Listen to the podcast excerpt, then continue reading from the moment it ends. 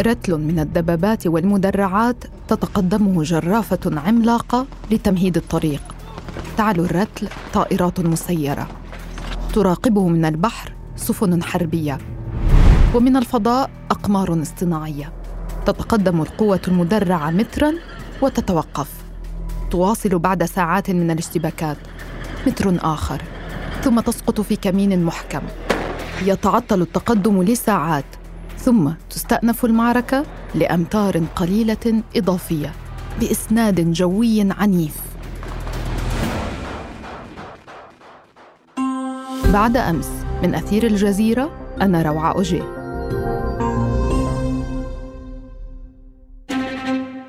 الحرب البرية على غزة تقبل على اختتام أسبوعها الثالث.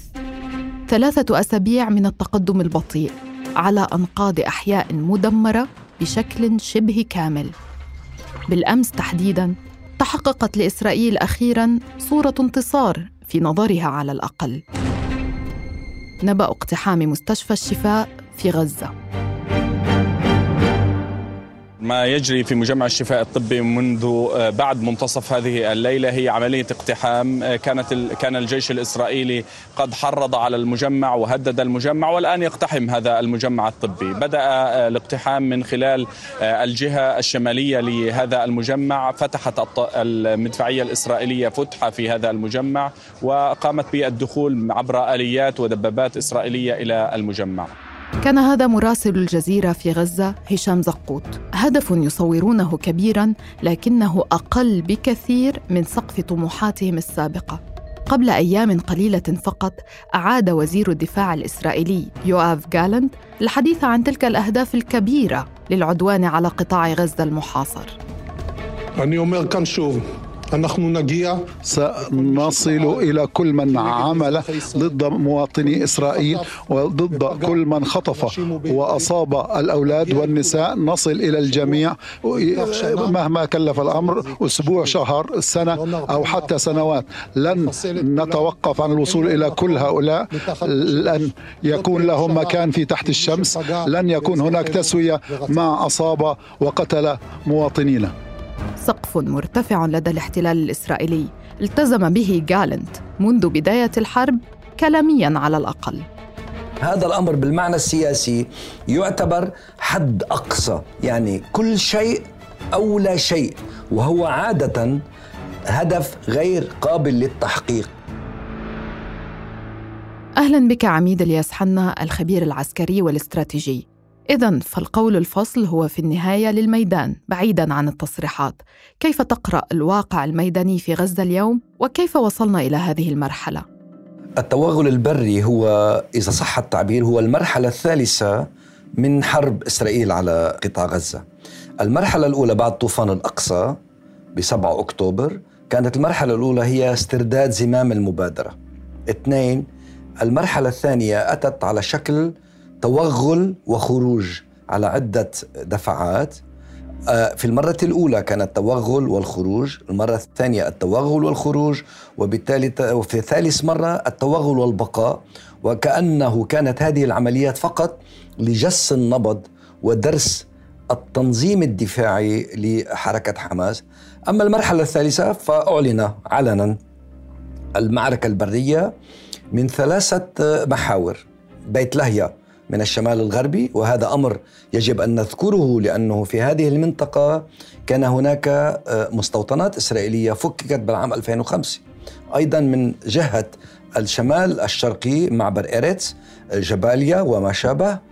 آه، الخط أو محور الهجوم الثالث هو في الوسط لقطع الطريق وعزل شمال غزة عن آه، جنوب غزة. وبالتالي الانتقال إلى المرحلة التي نراها اليوم ألا وهي تطويق المدينة أو مدينة غزة والتي يعتبرها آه، آه، الإسرائيلي على أنها آه، مركز ثقل أو كما يقال بالإنجليزية center of gravity فيها كل شيء يمت بصلة إلى حركة حماس.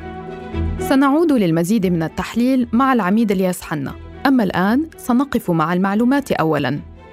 إذا تمكنت القوات الإسرائيلية بعد عناء من محاصرة الثلث الشمالي من قطاع غزة أو كما وصفته مركز ثقل القطاع ومركز ثقل المقاومة كذلك.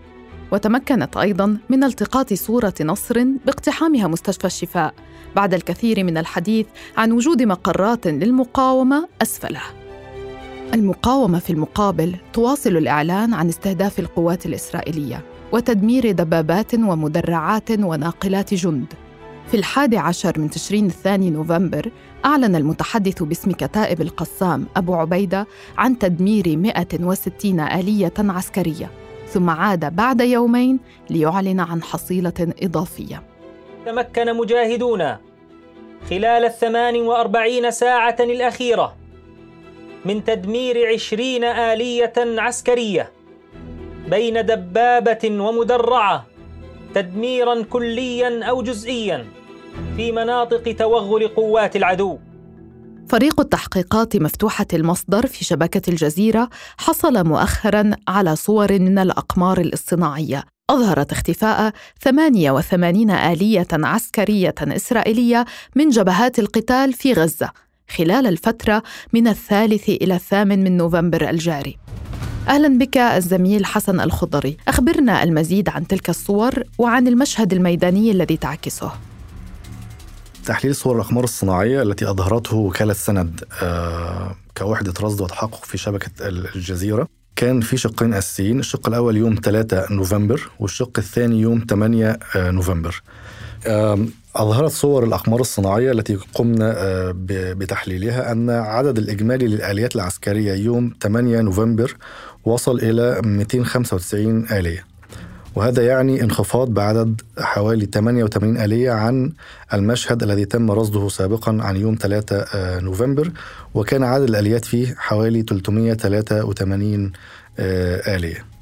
تقريبا نستطيع أن نقول أن هناك تشابه في الأرقام ما بين ما أعلنته المقاومة وبين ما أظهرته صور الأقمار الصناعية فيما يتعلق بالأعداد التي تم تح... أعداد المركبات الآلية التي تم تحييدها خلال ال ال الأيام ما بين 3 نوفمبر و 8 نوفمبر.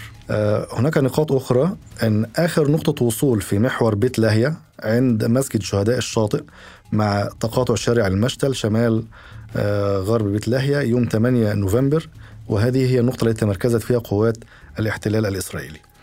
آه كذلك قوات الاحتلال تتخذ من سبع مدارس في هذه المنطقة آه، كانت نقاط ارتجاز لها. تتموضع في كل مدرسة بمتوسط تقريبا من 10 إلى 15 آلية. تختلف من مدرسة إلى أخرى بحسب قوة الاحتلال المدرعة الموجودة في هذا المكان. مدارس خالية من المدنيين؟ آه طبيعي. هي مدارس آه، مخلاة تماما من المدنيين. ومن الطبيعي أن قوات الاحتلال تتخذها كمدارس لأن هي في في المركز من هذه الأماكن وتستطيع الانتشار والعودة إليها آه، يوميا. كذلك هذه الصور أظهرت وجود ست طائرات استطلاع في مناطق مختلفة في المحور الشمالي آه، بحسب صور يوم 6 نوفمبر وكلها من نوع آه، هيرون وهي طائرات استطلاع آه، إسرائيلية وكانت هناك طائرة واحدة مجهولة الهوية ويصل طول جناحها حوالي 11 متر. يعتمد الجيش الإسرائيلي في تجميع الآليات بجوار بعضها البعض في منطقة محاطة بسواتر رملية. ومرتفعات صغيرة للاحتماء فيها حتى لا ترصدها أعين المقاومة وبالتالي يسهل آه، تدميرها. آه، الجيش الإسرائيلي أعلن يوم 5 نوفمبر وجود نفق للمقاومة في مستشفى حمد وكانت يعني وكالة السند فندت هذا التحقيق آه، سابقا طبقا لصور الأقمار الصناعية يوم 8 نوفمبر التي لم تظهر أي عمليات قصف أو تفجير لمكان النفق الذي يعني تم التأكيد أنه نفق مزعوم وكان فقط لعمليات تجريف آه، سطحية. حتى هم عندما نشروا هذه الصور لم يظهروا إطلاق صواريخ. يعني أظهروا آه، صور تبدو لأشخاص يخرجون من قبو. يعني هذا صحيح وهذا ما أكدته وأظهرته التحليلات التي قمنا بها لصور الأقمار الصناعية سواء في الجبهة الشمالية أو في آه، الخط العمودي على الشاطئ جنوب مدينة غزة أو شمال وادي آه، غزة طيب بحسب صور الأقمار الصناعية ما هي أكثر جبهات القتال سخونة؟ نعم هي الجبهة الشمالية تحديدا في منطقة بيت لاهيا وبيت حنون وهي المنطقة التي كان جيش الاحتلال قد أعلن أنه سيطر عليها تماما وأخلاها وانطلق إلى آه، باقي المساحة في المحور الشمالي لا تزال حتى هذه اللحظات هناك اشتباكات بين المقاومة وبين الاحتلال حتى هذه اللحظات فيها يعني. وهي أشد الأماكن سخونة. كذلك في المحور الجنوبي في جنوب مدينة غزة هناك اشتباكات حتى في محيط مستشفى الشفاء وتم رصد مجموعة من الآليات والدبابات العسكرية الإسرائيلية في هذه المدينة.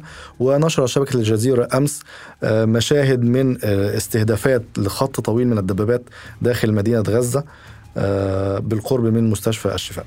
يعني جبهة الشاطئ نوعا ما ليس حيث تتركز الاشتباكات. صحيح جبهة الشاطئ هي جبهة آه، مفتوحة مكشوفة. كان الهدف هدف الاحتلال منها الرئيسي هو تجميع القوات. ليس بها مساحة من المقاومة ما فيش منازل مهدمة تستطيع المقاومة أن تختبئ فيها أو تتعامل من خلالها أو وكذلك ليس هناك شبكات أنفاق فيها بحكم قربها من من الشاطئ. آه، لكنها كانت نقطة تمركز وتفرع للآلات العسكرية تنطلق منها إلى المحور يعني حتى يتم الاتصال ما بين المحور الذي تم فتحه من جنوب مدينة غزة والمحور آه، الشمالي. لم ولن تكون مجرد نزهة.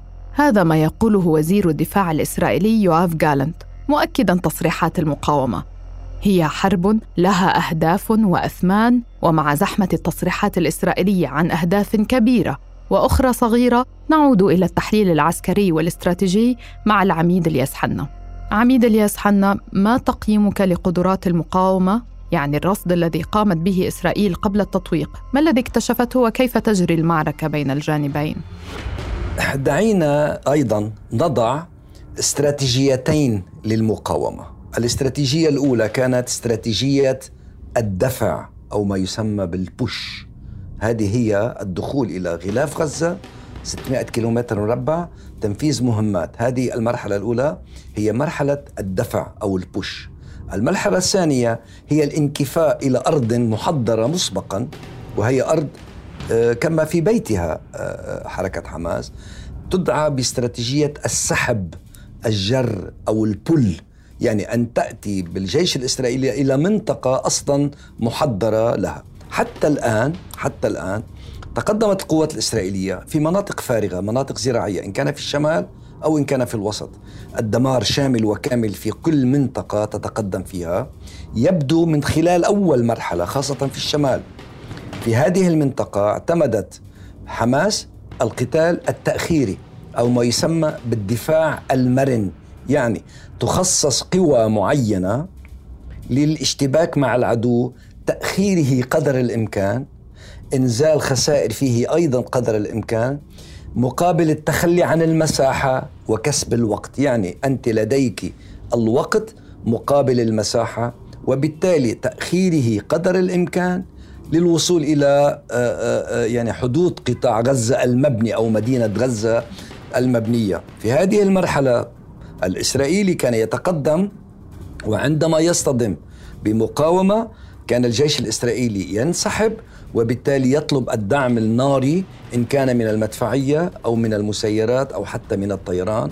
ولذلك نرى أن كل تقدم متر بمتر داخل مدينة غزة هي منطقة دمار أساسية. هذه المنطقة وقد نتحدث عنها خلال الحديث هذه المنطقة وهذا الدمار هو يتقدم بناء عليه الإسرائيلي ولكنه في نفس الوقت يكون عائق أمامه. العدوان البري على غزة أصبح اليوم واقعاً، لكن إسرائيل وبالرغم من متاعبها هناك فهي تواصل الحديث عن سيناريوهات ما بعد حماس. ملف ما بعد حماس يشغل حيزاً كبيراً من التصريحات الأمريكية كذلك، لكن الولايات المتحدة وكما أظهرت عدم ارتياح من العمل البري في البداية فإنها اليوم تظهر تحفظاً على بعض التوجهات الإسرائيلية. لا لإعادة احتلال غزة لا لتهجير الفلسطينيين قسريا لكن يجب ألا تستخدم غزة قاعدة للإرهاب في المستقبل. ومساحة غزة لا ينبغي تقليصها. عميد الياس حنا لا احتلال لا تهجير ولكن أيضا لا للمقاومة التي يسميها مستشار الأمن القومي الأمريكي جيك سوليفان إرهابا. هل هذه رسائل متناقضة؟ أولا متناقضة. أنا دائما أقول أن السياسيين يتكلمون بالشعر علنا ويكتبون بالنثر في السر. اليوم دائما الهدف السياسي ما المقصود بتهجير؟ يعني التهجير هو إلى مصر إلى سيناء ولكن التهجير يحصل داخل آه، قطاع غزة من الشمال إلى الجنوب. يعني اليوم عندما نتحدث عن لا احتلال إنه أنت ما أنت عندما تت يعني تدمر آه، إسرائيل كل غزة وبالتالي تريد أن تفرض واقع سياسي مختلف عن المرحلة القادمة. هذا الامر يعني البقاء في غزة وهذا ما يعتبر من أهم المعضلات لدى إسرائيل. هناك مقولة كان يقولها آه، كولين باول إذا دخلت إلى متجر الخزف وكسرت شيئا فإنه عليك أن تشتريه. يعني you break it you own it. هذه كما يقال من أصعب المهام المستقبلية لمرحلة ما بعد غزة وكأنه اليوم انتقلنا من استراتيجية جز العشب لنتنياهو إلى موضوع قلع الحشب العشب من مكانه. فاذا ساليفان يتحدث بشيء والواقع الميداني يتحدث بشيء. عندما نقول أنه حقق نتائجه يعني اليوم المرحلة الحالية هي آه، محاولة قضاء على حماس. طيب اليوم حركة حماس لا تشتبك معك وهي لديها ما يقارب بين 30 و 40 ألف مقاتل. هناك سبعة تنظيمات موجودة في غزة أهمها حماس حركة حماس والجهاد الإسلامي ما يقارب الأربعين ألف. كم منهم يقاتل؟ فل يعني فلنقل على سبيل المثال للحصر ثلثهم يقاتل عشرة ألاف. هذا أمر كبير جدا للقدرة على القضاء عليه. في كل وحدة عسكرية آه، روعة. هناك آه، ما يسمى قيادة وسيطرة. هناك قائد عملاني أساسي. هناك مقاتل فردي. هناك من يؤمن اللوجستية. يعني هي منظومة عسكرية تقاتل.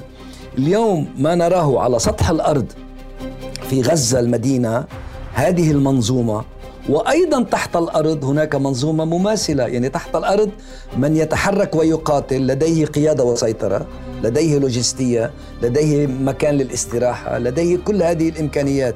إلى أي مدى؟ إلى أي مدى يمكن لإسرائيل أن تستمر؟ ولأي مدى يمكن أن يعني يتلاشى الضغط العالمي. اليوم وزير الخارجية الإسرائيلي إلي كوهين يقول نحن لدينا نافذة وقت بين الأسبوعين أو الثلاثة لكي يصبح الضغط علينا كبير لإيقاف هذه آه، آه، المعركة. هذا بالإضافة إلى أنه لا نتحدث عن جبهة واحدة نتحدث عن عدة جبهات بدأ الحديث عنها خاصة من لبنان سوريا العراق وحتى من اليمن. يقفز الإسرائيليون ومن ورائهم الأمريكيون إلى أسئلة اليوم التالي. يتجاوزون أسئلة أكثر تعقيداً يفرضها عليهم الميدان. ماذا يجري على الأرض في غزة؟ وفي أي اتجاه تسير التطورات؟ أسئلة مهمة نواكبها معكم ونجيبكم عنها في بعد أمس من أثير الجزيرة. تابعونا عبر أثير على كافة منصات البودكاست. وأرسلوا لنا أسئلتكم ومقترحاتكم في التعليقات وعبر حسابات أثير على مواقع التواصل الاجتماعي. دمتم بخير ونلتقي بعد أمس.